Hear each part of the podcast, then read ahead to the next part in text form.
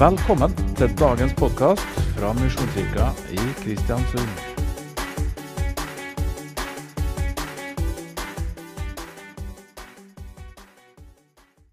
Da ønsker jeg velkommen til uh, ny podkast. Og uh, jeg har lyst til å ta dere med inn i noen uh, tanker som, som jeg har jobba med. Eh, noe av det springer litt ut ifra at eh, eh, Jesus kaller oss til etterfølgelse. Han, han sier 'følg meg'. Uh, det gjør han uh, helt fysisk og til, eh, til vennene sine, til disiplene. Og han, eh, han er, har, en, eh, har, en, har en klar appell til å, å følge etter han. Og det, det er jo på en måte det som definerer det å være en kristen. Det er å være en Jesu etterfølger. Eh, Det er en som eh, har kommet til Jesus og velger å være der. Det vil altså si at du er en del av det han eh, beveger seg i. Du er en del av det som han gjør og er. Og du er da knyttet til Jesus på en sånn måte at det er, det er hans agenda som på en måte blir bestemmende for hvordan livet ditt skal se ut. Vi, eh, vi har sånne begrep og ord som, eh, som vi eh, bruker, og som, som, på en måte eh, ha, har en, eh, en, forskjellighet i seg som gjør at vi, vi mange ganger eh, tenker at et ord som frihet, f.eks., det er å kunne gjøre akkurat hva man vil, når man vil. Og det, det er på en måte en slags Eh, følelse av definisjon på frihet som jeg tror er ganske vanlig i den kulturen som vi er i i dag. Eh, sånn definerer ikke eh, Bibelen frihet. Frihet i, i Bibelen er faktisk knytta til å være med Jesus. Når han kaller, så kaller han til et liv i frihet. Han kaller til et liv hos seg sjøl, sammen med seg. Han kaller oss til et liv i hellighet. Og Dermed så, så får jeg en, en, en, assosiasjon av at eh, frihet faktisk er knytta til hellighet og etterfølgelse. Det vil altså si at eh, frihet er mer knytta til lydighet til Gud enn det er lydighet til mine egne lyster. Dette, dette, høres jo helt merkverdig ut for folk i dag. fordi at eh, det å være fri, det er eh, knyttet til å, å kunne følge enhver innskytelse, enhver lyst, enhver trang skal tilfredsstilles. Jeg tror det knapt egentlig kan kalles for frihet, slik som Bibelen og som det kristne livet arter seg. Eh, det, det er faktisk eh, slik at Bibelen definerer det som den som gjør synd, er syndens trell. Det er altså en form for slaveri. Å være slave under sine egne lyster, sine egne begjær. Å være slave under det å, å måtte gjøre det man impulsivt kjenner og føler på at man ønsker å gjøre akkurat nå, det blir faktisk en form for slaveri. Eh, de aller fleste som har løpt etter dette her, eh, vet med seg sjøl og kan faktisk fortelle om at det blir tyngre og tyngre å, til, å finne tilfredsstillelse. Jeg tenker på eh, Eh, Rolling Stones eh, hadde jo en svær hit med I Can't Get No Satisfaction. Det, men jeg prøver. Og det, det, tror jeg er faktisk en sang som, som, eh, som handler om eh, erfaringa som man gjør seg gjennom det å jakte på den ultimate tilfredsstillelse. Jeg satt, Mens jeg holdt på å forberede meg på dette, her, så satt jeg også og hørte på Queen. Uh, I want it all. Jeg vil ha alt. Og, og jeg vil ha det nå. Og det er på en måte en, en, en, en slags forbannelse som jeg tror ligger over denne skal ha-kulturen. Eh, at vi faktisk går inn i et liv som blir mer og mer ufritt. Og vi går inn i et liv som blir mer og mer utilfredsstillende. Derfor er Jesu kall til seg sjøl det er altså et kall inn i å leve i frihet som faktisk er knyttet til å leve i hellighet. Jeg tror at det er en sterk, sterk link mellom hellighet i Bibelen og frihet. Det var en innledning. Så eh, har jeg lyst til å ta dere med litt inn i dette her som, som Jesus sier. Og Jeg tror vi skal begynne i Johannes 17. Der er eh, Jesu yppersteprestelige bønn. Det er altså Jesu bønn for sine. Og Denne bønnen den, den handler jo om uh, veldig mye av enhet. At eh, jeg ber Far om at eh, de skal være i meg sånn som jeg er i dem, og du er i meg, osv. Det er akkurat som om Jesus gjennom denne bønnen her tegner et bilde av et nærvær av Guds herlighet. Ikke bare over han, men også over de som følger etter han. Og Jeg tror det er på en måte nøkkelen til et liv i frihet, et liv i glede, et liv i det å være tilfreds. Eh, eller for å si det på en annen måte dette er et, det er en nøkkel for å komme inn i alt det gode som beskrives som åndens frukter. Kjærlighet, glede, fred, overbærenhet, vennlighet, takknemlighet, tålsomhet, selvbeherskelse. Det er ikke alt dette her som du umiddelbart opplever er godt. Kanskje ikke selvbeherskelse til syvende og sist, men eh, det er faktisk nøkkelen til det frie og gode livet ligger i etterfølgelse av Jesus. Eh, jeg har lyst til å ta dere med inn i eh, kapittel 17 og vers 15 eh, og, og utover. Jeg ber ikke om at du skal ta dem ut av verden, men at du skal bevare dem fra det onde. De er ikke av verden, slik jeg ikke er av verden. Hellige dem i sannhet. Ditt ord er sannhet. Som du har sendt meg til verden, har jeg sendt dem til verden. Jeg helliger meg for dem, så de skal helliges i sannhet. Her ser du at dette med å være knytta til Jesus også er veldig knyttet til dette ordet hellighet. Og det å være hellig, det er å være adskilt, utskilt plassert annerledes. Eh, Selve ordet heb, hebreer, det å være en hebreer eh, det, det, har, eh, det, har, sin rot i faktisk et, et, verb som heter å gå over. Og, og, og, i den forbindelse at du går over fra en tilstand til en annen. Fra et sted til en annen. Og Dette er jo det som ligger i etterfølgelse. Vi forlater noe for å følge etter noe annet.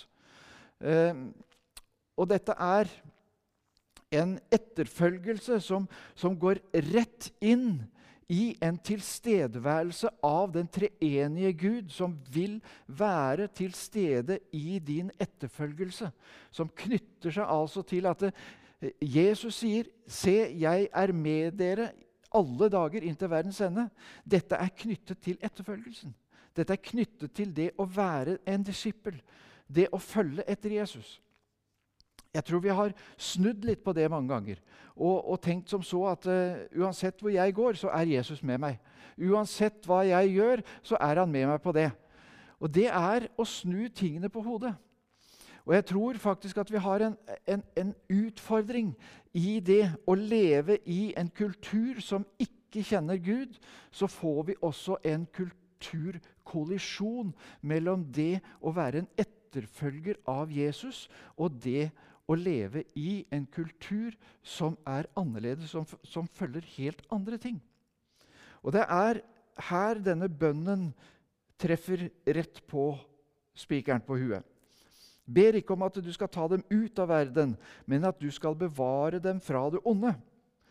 Det vil altså si at det, eh, som kristne så vil du være bærer av en kultur som er i kollisjon med den kulturen som kanskje omgir deg. Og Det betyr at eh, du alltid vil representere en eller annen eh, hva skal jeg si, annerledeshet enn det å gå i ett med den kulturen som, som er rådende. Jeg, jeg, dette her er ikke nytt av i dag. Dette er noe som, som har fulgt Kirken siden, siden, den ble til. Og det har uh, fulgt det, det, jødiske folket helt ifra begynnelsen. Så har trykket ifra kulturen vært eh, noen ganger veldig sterkt, og andre ganger så har den jødiske kulturen fått lov til å bære oppe eh, den, den, eh, Å være en kulturbærer, om du vil. Vi må innrømme at det som kristne og som kristne menigheter og eh, vi, vi, kaller jo Norge et kristent land. Så kan vi ikke si at vi har lykkes i det prosjektet å skulle være en kulturbærer endrer, en kulturfaktor, en kulturbærer inn i den tida. Vi har eh, gått i ett med eh, veggen, og vi, eh, vi syns at det er behagelig. Jeg tror de fleste av oss syns at det er komfortabelt når vi kan få lov til å gjemme oss og gå i ett med eh, terrenget. Eh, det var en som, eh, som eh, fikk en oppgave en gang i skulle bli politimann. Og han fikk en oppgave som virket bare helt umulig. Han fikk skissert et, en, en trafikkulykke som, som, hadde skjedd. Og han løper da til og ser at det her er, er kona til politimesteren i bilen som det lukter alkohol i, eh, sammen med en annen mann enn politimesteren. Og det var eh, en stor ulykke, og så ropes det plutselig om at det skal være en gasseksplosjon som er like i nærheten. og så får han da oppdraget Skriv med korte ord hva du ville gjøre i den situasjonen. Og Da skrev denne kandidaten at da vil jeg ta av meg uniformen og gå i ett med omgivelsene. Og Det er på en måte noe av, av, det som jeg tror vi som menigheter og som kristne i dag gjør. Vi, vi, vi, vi, søker dette å bli en del av massen fordi at smertepunktet og utfordringen ved å være annerledes blir vanskelig for oss. Og jeg tror at det, Noe av den kulturglidningen som vi ser i dag, henger sammen med at ikke vi har turt, ikke vi har våga å leve ut dette kallet som Jesus har kalt oss inn i, det å være etterfølgere. Å være en etterfølger er samtidig å være sendt. Jesus ber ikke om at vi skal gå ut av kulturen. Han ber ikke om at vi skal gjemme oss fra verden, men han ber om at vi skal være i den, bevart fra det onde, men som en kulturbærer av en annen verden. Jesus sier det gjentatte ganger om seg sjøl. Eh, hadde jeg vært av denne verden, så hadde dere likt meg. Da hadde dere elska meg. Men fordi jeg er av en annen verden, så, så representerer jeg en trussel for den kulturen som dere bærer på. Og dette er noe av det vi har store problemer med, tror jeg, det er å få lov til å være drevet av noe annet enn det denne verden er drevet av. Så hva skal vi være drevet av? I eh, Romerne 8 så står det de som er drevet av Ånden, de er Guds barn.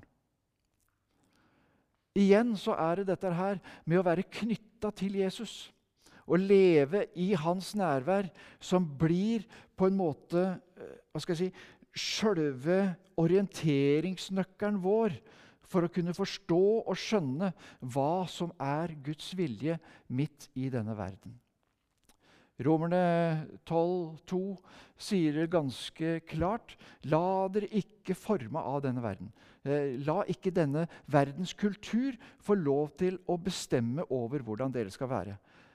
Skikk dere ikke lik med denne verden, står i en oversettelse. Men eh, bli kjent med hva som er Guds vilje for denne tida. Og vi, vi skal drives av denne ånd som setter andre foran seg sjøl. Som eh, eh, ikke ser det som eh, rovet gods å være Gud lik, men gi avkall på det vi har, for å vinne. Paulus han sier at eh, 'jeg har blitt som en jøde for jøder, og jeg har vært som en greker for grekere, for om mulig å vinne noen'. Det vil altså si at han har vært aktiv deltakende i den kulturen som han til enhver tid har vært i, samtidig som han ikke har mistet sin drivkraft av å være drevet av Ånden. Og Dette er på en måte, dette nærværet, det å ta vare på dette nærværet, tror jeg er nøkkelen for at eh, mennesker skal bli frelst, rett og slett. Jeg tror eh, vi er kalt til å være bærere av denne, denne Guds ånd, hans nærvær, hans tilstedeværelse. Jeg tror det er nøkkelen for at mennesker skal bli frelst. Jeg har, eh, jeg har stoppa ved, ved, noen vers i, eh, i Johannes som, som, jeg har, har tygd på og, og lurt hva som er så spesielt her i denne situasjonen her. Det er i eh, kapittel 8. Eh, der er Jesus i en, i en eh, samtale med, med, jødene. Og det står at de skjønte ikke fra vers 27, de skjønte ikke at det var sin far han talte om. Da sa Jesus til dem kolon.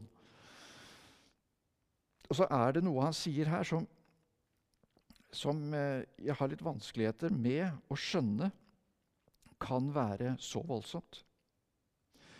Så sier han, 'Når dere har løftet menneskesønnen opp, skal dere forstå at jeg er,' 'og at jeg ikke gjør noe av meg selv, men sier det som Far har lært meg,' 'og han, har, han som har sendt meg, er med meg.' 'Han har ikke overlatt meg til meg selv.' For det jeg gjør, er alltid etter hans gode vilje. Da han sa dette, kom mange til tro på ham. Og da, da lurer jeg på, liksom, hva, hva, i all verden er det som skjer her? Hvorfor er det så spesielt, det Jesus sier her, som, som fører til at da kom mange til tro på ham? Hva, hva er det for noe spesielt? Det, det, det, første og det eh, spesielle som, som, jeg ser her, det er at, at Jesus presenterer seg. Han sier at, at 'jeg er'. Og dette er eh, så tett på Guds navn som det går an å komme. 'Jeg er', det er det Gud sier om seg sjøl når han snakker med Moses, når Moses spør hvem, hvem eh, skal jeg si at har sendt meg. Si at 'jeg er har sendt deg'. Og Dermed så, så, så, så er det akkurat som Jesus tar et steg inn i denne samtalen her, og så avdekker han hele sin identitet i et lite øyeblikk.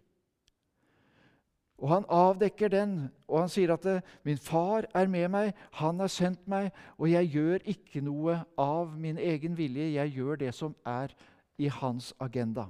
Og Det er akkurat som i den presentasjonen av hvem han virkelig er, som det skapes tro. Og Så kan vi lese resten av kapittelet, så ser vi at dette, denne troen her eh, ble en veldig kortvarig blaff for, eh, for, disse her. fordi at uh, Jesus fortsetter jo sin samtale her, og det ender jo med at de, kast, de tar opp steiner for å steine. Og, det, det, det, er i, i, løpet av den samme samtalen. Men det er et eller annet med dette berøringspunktet som oppstår her, som fascinerer meg. Der Jesus blir presentert som den han er. Det er akkurat som om det er det som hva skal jeg si, setter til sides alle eh, bortforklaringer, setter til sides alle eh, slør, alt som på en måte vil dekke til i dette ene at Jesus blir synlig. Og Jeg tror at vi er kalt til et liv i etterfølgelse, slik at Jesus blir synlig. Jeg tror det er hensikten med det kristne livet. Vi, eh, vi er ikke her for å overleve.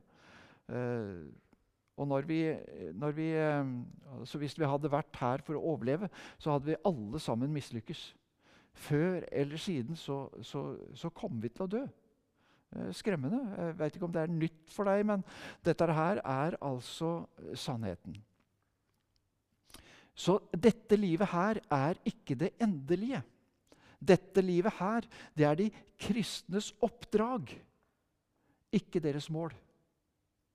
Og jeg tror det ligger en enorm frihet i det å være en Jesu etterfølgelse, en Jesu etterfølger i, så stor grad at uh, dette livet her, den posisjonen jeg har, den, det renommé jeg har, den uh, hva jeg eh, regnes for som populær i min krets, eller hva det nå enn er, måtte være som du setter pris på, at det faktisk teller mindre enn at Jesus blir kjent i det livet du lever. Jeg tror det er det kristne kallet. Jeg tror det er det kallet vi alle går og bærer på. Å få lov til å være bærere av Hans nærvær inn i en kultur som er i ferd med å gå til grunne uten Gud. Og jeg tenker at eh, vi lever i en tid hvor, eh, hvor jeg har lyst til å nærmest rope ut 'venn om'. Ikke nødvendigvis eh, fordi at det hjelper at du endrer kulturen din, men det er et liv i Kristus, et liv i Gud, som er svaret på det du søker av frihet.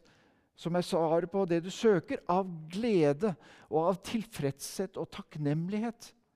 Det eksisterer faktisk ikke utenfor. Det er bare noe som, som smaker av det, som driver deg videre i ufrihet. Mens det Jesus tilbyr, det er sitt eget himmelske liv som du kan få lov til å gå og være bærer av.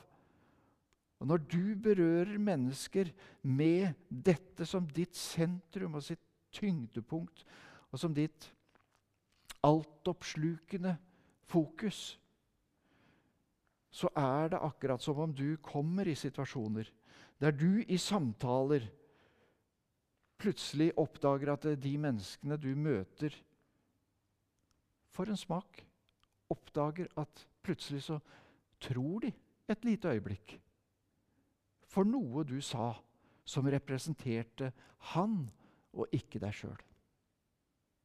Så det å gå ifra eh, din egen agenda og over i dette her, det får du ikke til på egen hånd. Men det er noe som skjer når du blir oppslukt av Jesus. Da endres alt i livet ditt.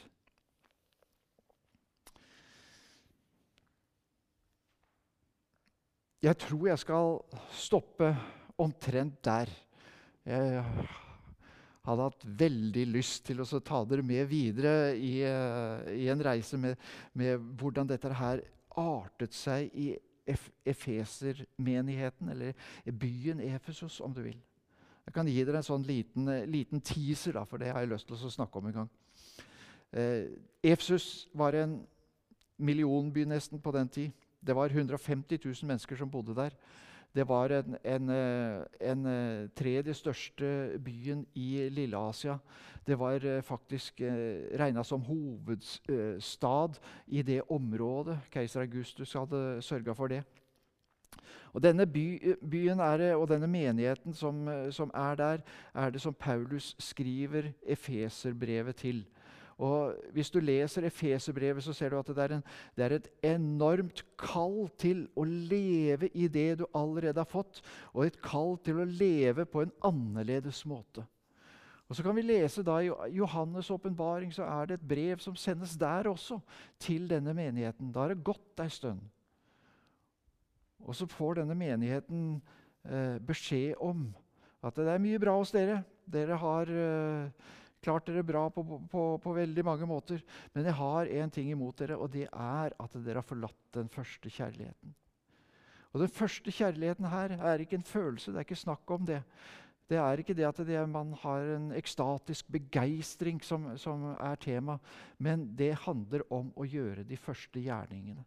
Og Da har det altså skjedd en glidning i denne store byen, eller den store menigheten i denne byen, der kulturen utenfra har øvet et sånt et trykk at man beveger seg som menighet. Og Dette tror jeg er kjennspakt for de aller fleste som har levd med Gud ei stund og vært et menighetsmenneske, som vi kaller det ofte, det er at vi har et trykk fra kulturen, og det er vondt av og til å representere en motkultur. Men jeg tror i dag så kalles vi til å bli en motkultur gjennom å være levende Jesu etterfølgere.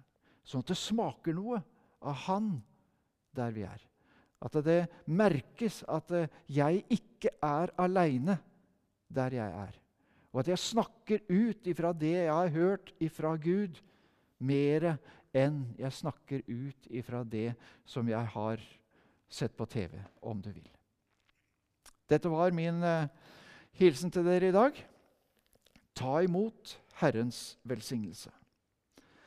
Herren velsigne deg og bevare deg. Herren la sitt ansikt lyse over deg og være deg nådig. Herren løfte sitt åsyn på deg og gi deg fred. Amen. Takk for at du hørte på dagens budskap. Du finner flere podkaster fra oss hvis du søker opp Misjonskirka Kristiansund på f.eks.